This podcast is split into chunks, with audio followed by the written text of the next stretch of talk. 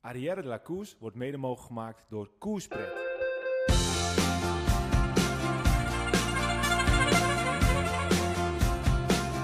Je luistert naar Arrière de la volledig in het teken van de Tour de France. Kort, krachtig, simpel en duidelijk. Vandaag etappe 13. Hoogtijdagen voor de Denen.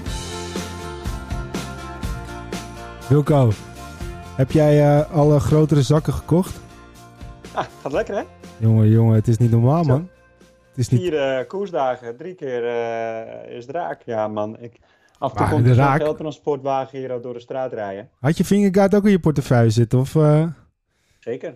Het ja, is... ik was een van de eerste die, die gelijk erbij zat. Dus die... Ja, als het een beetje, de een een beetje kan fietsen, dan, dan zit hij bij mij in de portefeuille. Ja, maar zoals bijvoorbeeld de Giro echt volledig in, in een Hollandse, Nederlandse teken stond is het nu echt wel in het extreme uh, in het Deense teken. Dan denk je, oké, okay, ze gaan... Nederlander ook niet klagen, hè? Laat het Nee, we hebben niks te klagen. Nee, maar juist, uh, juist positief. Helemaal niet te klagen. Maar als je gewoon gaat kijken, dan hebben ze eerst uh, Vingegaard. En hebben ze natuurlijk Kort. En dan hebben ze nu weer Pedersen. Ja. En dan de, ook nog eens een keertje de, de gele trui. Dat is ook, ook natuurlijk ook heel lang gehad. Ja, nou, ik zou zeggen, start volgend jaar die Tour maar in Nederland. misschien hebben wij het ook dan. Maar het gaat lekker met de aandelen, dus uh, mag zeker niet klagen. Ja, bizar. bizar. hey, uh, Peter, um, je bent weer terug, zo te zien. Je zit weer in het bruidshuis. Jij houdt tenminste wel de, de erecode nog een beetje in stand. Want uh, ja. we doen het natuurlijk alles digitaal, maar jij blijft trouwens in het bruidshuis zitten. Helemaal gelijk heb je. Kan jij eventjes een, een korte recap, recap doen van de etappe van vandaag? Nou, we hebben een mooie overgangsrit gehad.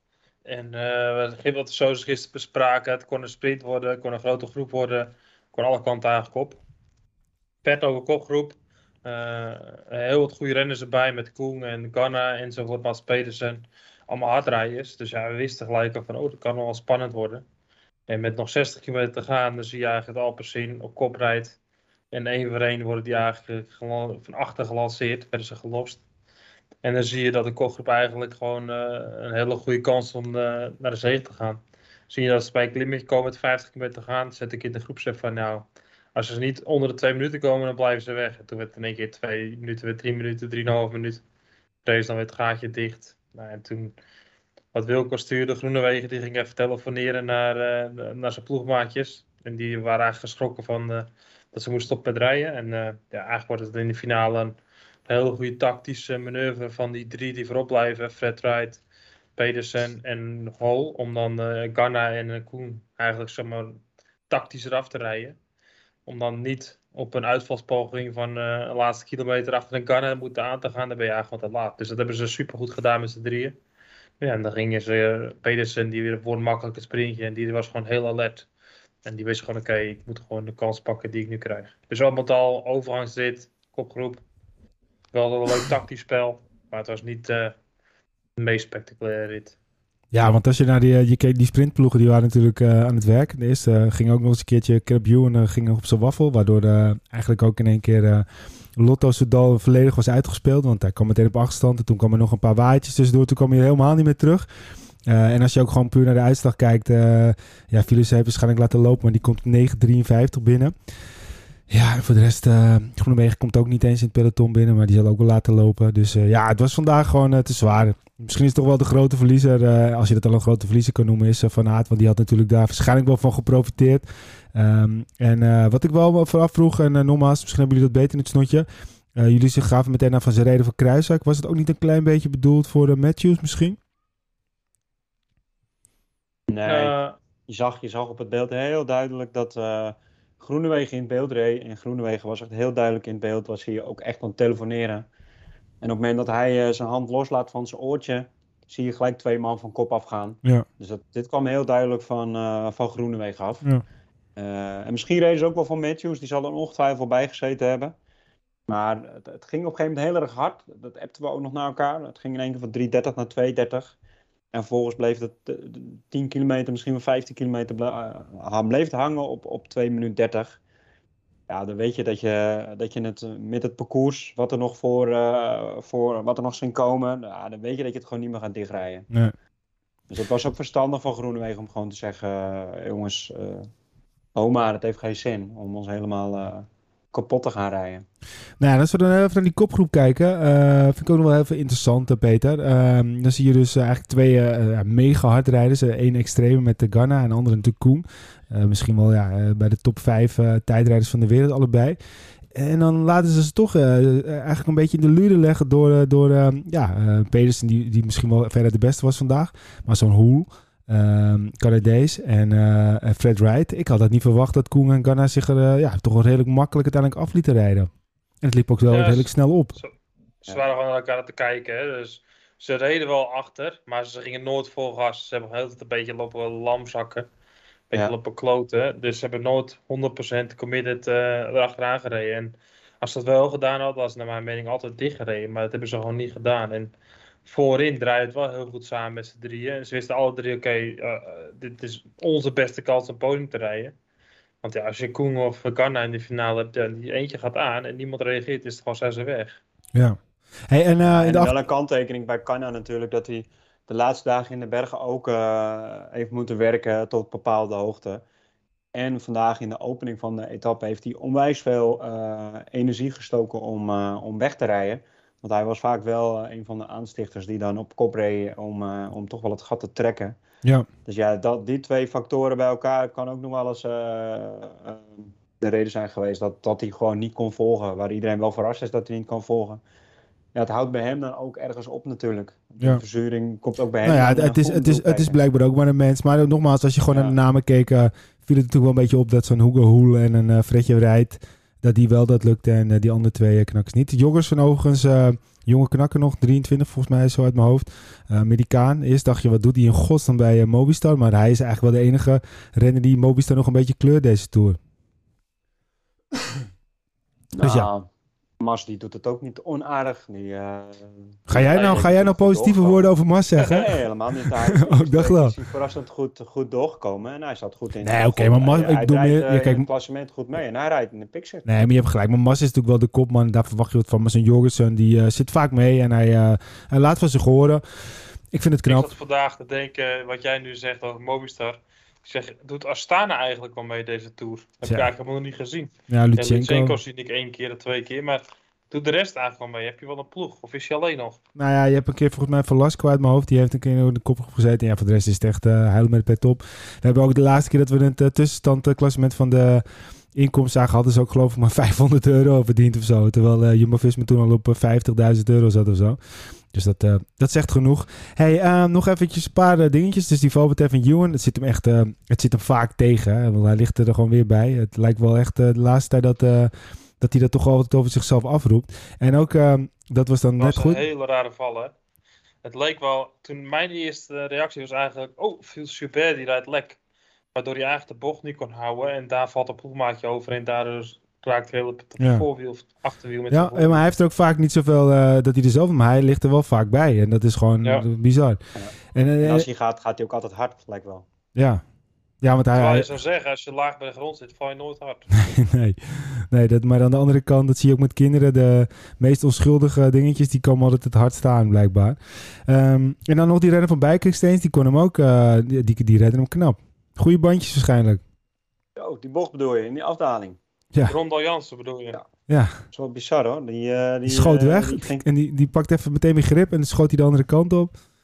Ja, dat was dat had bijna een motorongeluk geweest, zeg maar. Wat je in een motorraces wel ziet. Dat dat, dat gaat zwabberen ja, precies. en, en, en, dat je van je fiets afgevlogen wordt. Nou, het, het grappige is natuurlijk wel dat... Uh, onder controle te houden. Zo.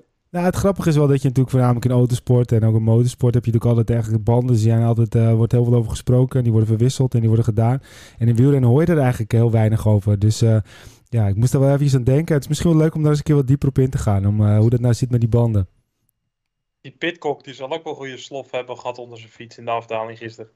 Ja, precies. Maar ik vraag me af, heeft hij dan uh, een bepaalde soort band erop gelegd die dag wat uh, beter is of zoiets? Maar ja, daar heb jij meer verstand dan mij, Peter. Daar heb ik echt totaal geen kijk op. Ja, band is wel iets veel spe specifieks. Want mij hebt vaak een bandensponsor uh, die gelinkt is aan het team. Maar je hebt zo verschillende soorten compound en dat soort dingen. Dat is best wel interessant. Ja. Nou, dan gaan we later vast wel een keertje dan dieper op in. Als we dan even kijken naar uh, de Nederlanders. Uh, je zag op een gegeven moment wel een groepje weg. Uh, met onder andere Van Poppel en met Van der Hoorn. Dat was nog wel grappig, want Van Poppel die, die werd daarna eventjes in een schermpje erbij genomen van een interview. En toen zei hij eigenlijk dat hij ziek was. Maar hij zat probeerde wel mee te zitten, een beetje van de poolstijl. Ja, Van der Hoorn zei dan ook in hetzelfde interview bij de NOS dat waarschijnlijk uh, een bepaald bergje toch wel eventjes uh, uh, te zwaar voor hem zou zijn. En in dat bergje ging hij er ook af. En toen moest hij ook echt diep gaan, want toen moest hij ook zelfs in het peloton er helemaal af.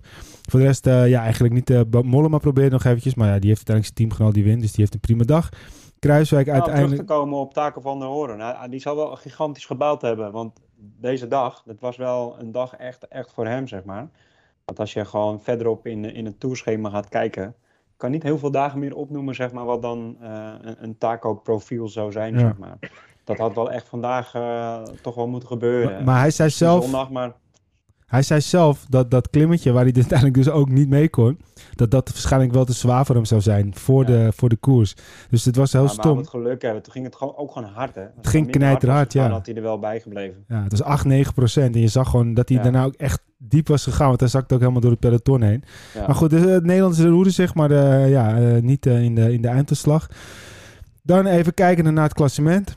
Nou ja, de, in principe ehm, niet heel veel gebeurd. Het enige nou ja, wat in de achterhoede, maar voor de rest iedereen heeft gewoon rustig zijn plekje behouden. Uh, als we dan heel even kijken naar renners die uh, ja, gewoon echt totaal niet in vorm zijn. Oeran, die heeft het echt totaal niet. Staat er op 1-10. Vandaag ook weer, weer niet goed. Um, ja, en voor de rest is het allemaal niet heel interessant. Dan kijk ik Wilco even aan voor de, de etappe van, van morgen. Ja, morgen, morgen voor de liefhebbers gaat het smullen worden. Ze zeggen dat het een overgangsetappe is. Nou, dat, dat, dat, dat overgang-etappe gebeuren, dat kunnen we wel wegstrepen. Dat gaat morgen gewoon uh, echt gewoon een zware dag worden voor iedereen. Met uh, vier kolletjes derde categorie en een, uh, een venijnige slotklim van de tweede categorie. die overigens maar drie kilometer is, maar wel een gemiddelde stijgingspercentage van 10,2% heeft. dus ja, in de laatste kilometers gaat echt iedereen volop in de verzuring zitten. En dan komt bij dat het 192,5 kilometer is. ja, morgen gaat het gewoon een hele zware dag worden. Met heel veel op en aan. En er zitten ook gewoon nog een paar uh, die niet eens gecategoriseerd zijn. Ja, ze kunnen hun lol, lol op morgen.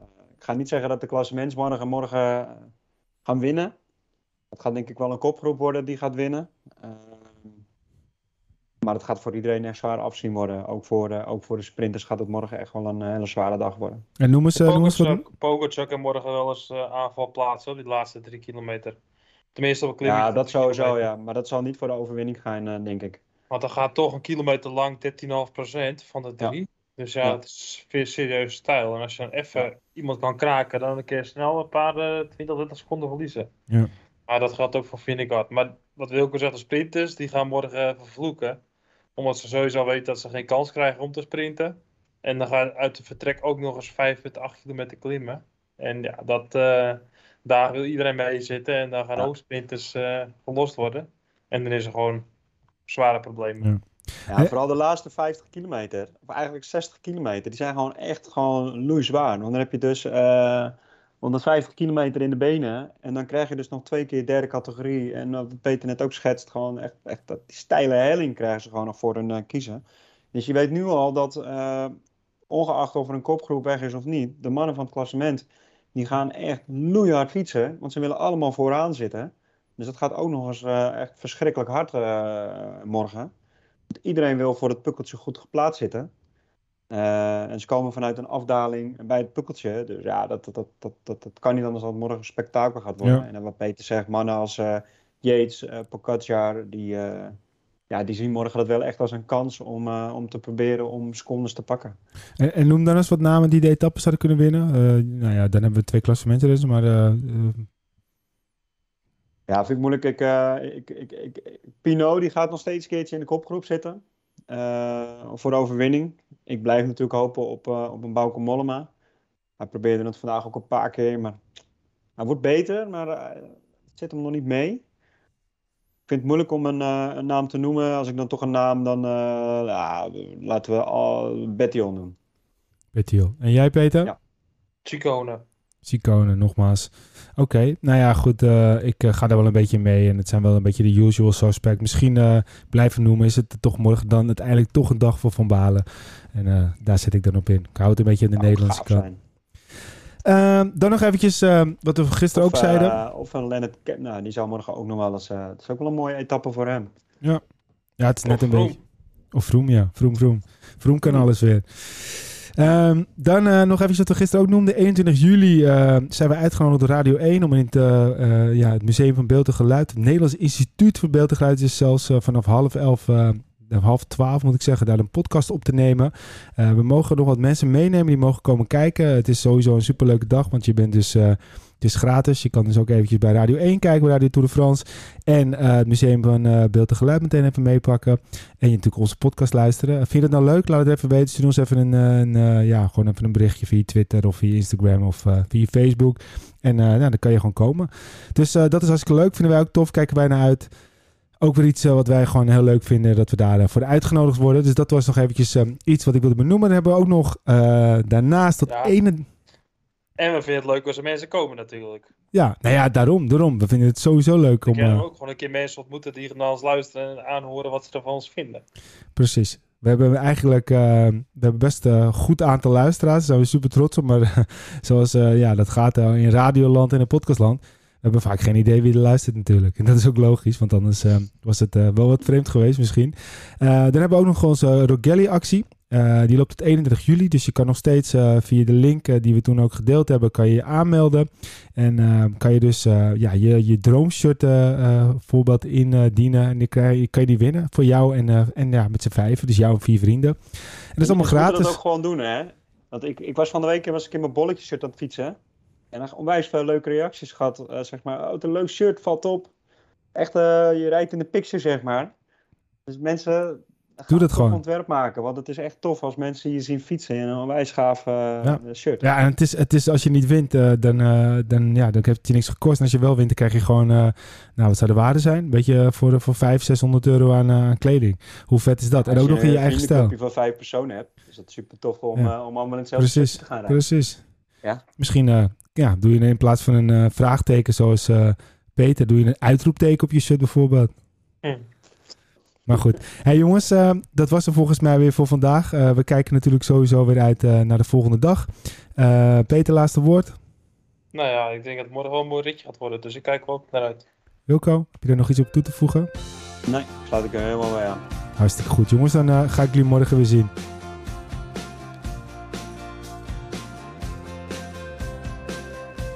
Tijdens deze Tour de France zullen wij zo goed als elke dag met een korte podcast komen. Volg ons op eh, Twitter en Insta en blijf op de hoogte. Hoe je dat doet? Nou, gewoon even zoeken op Ariel Lacours.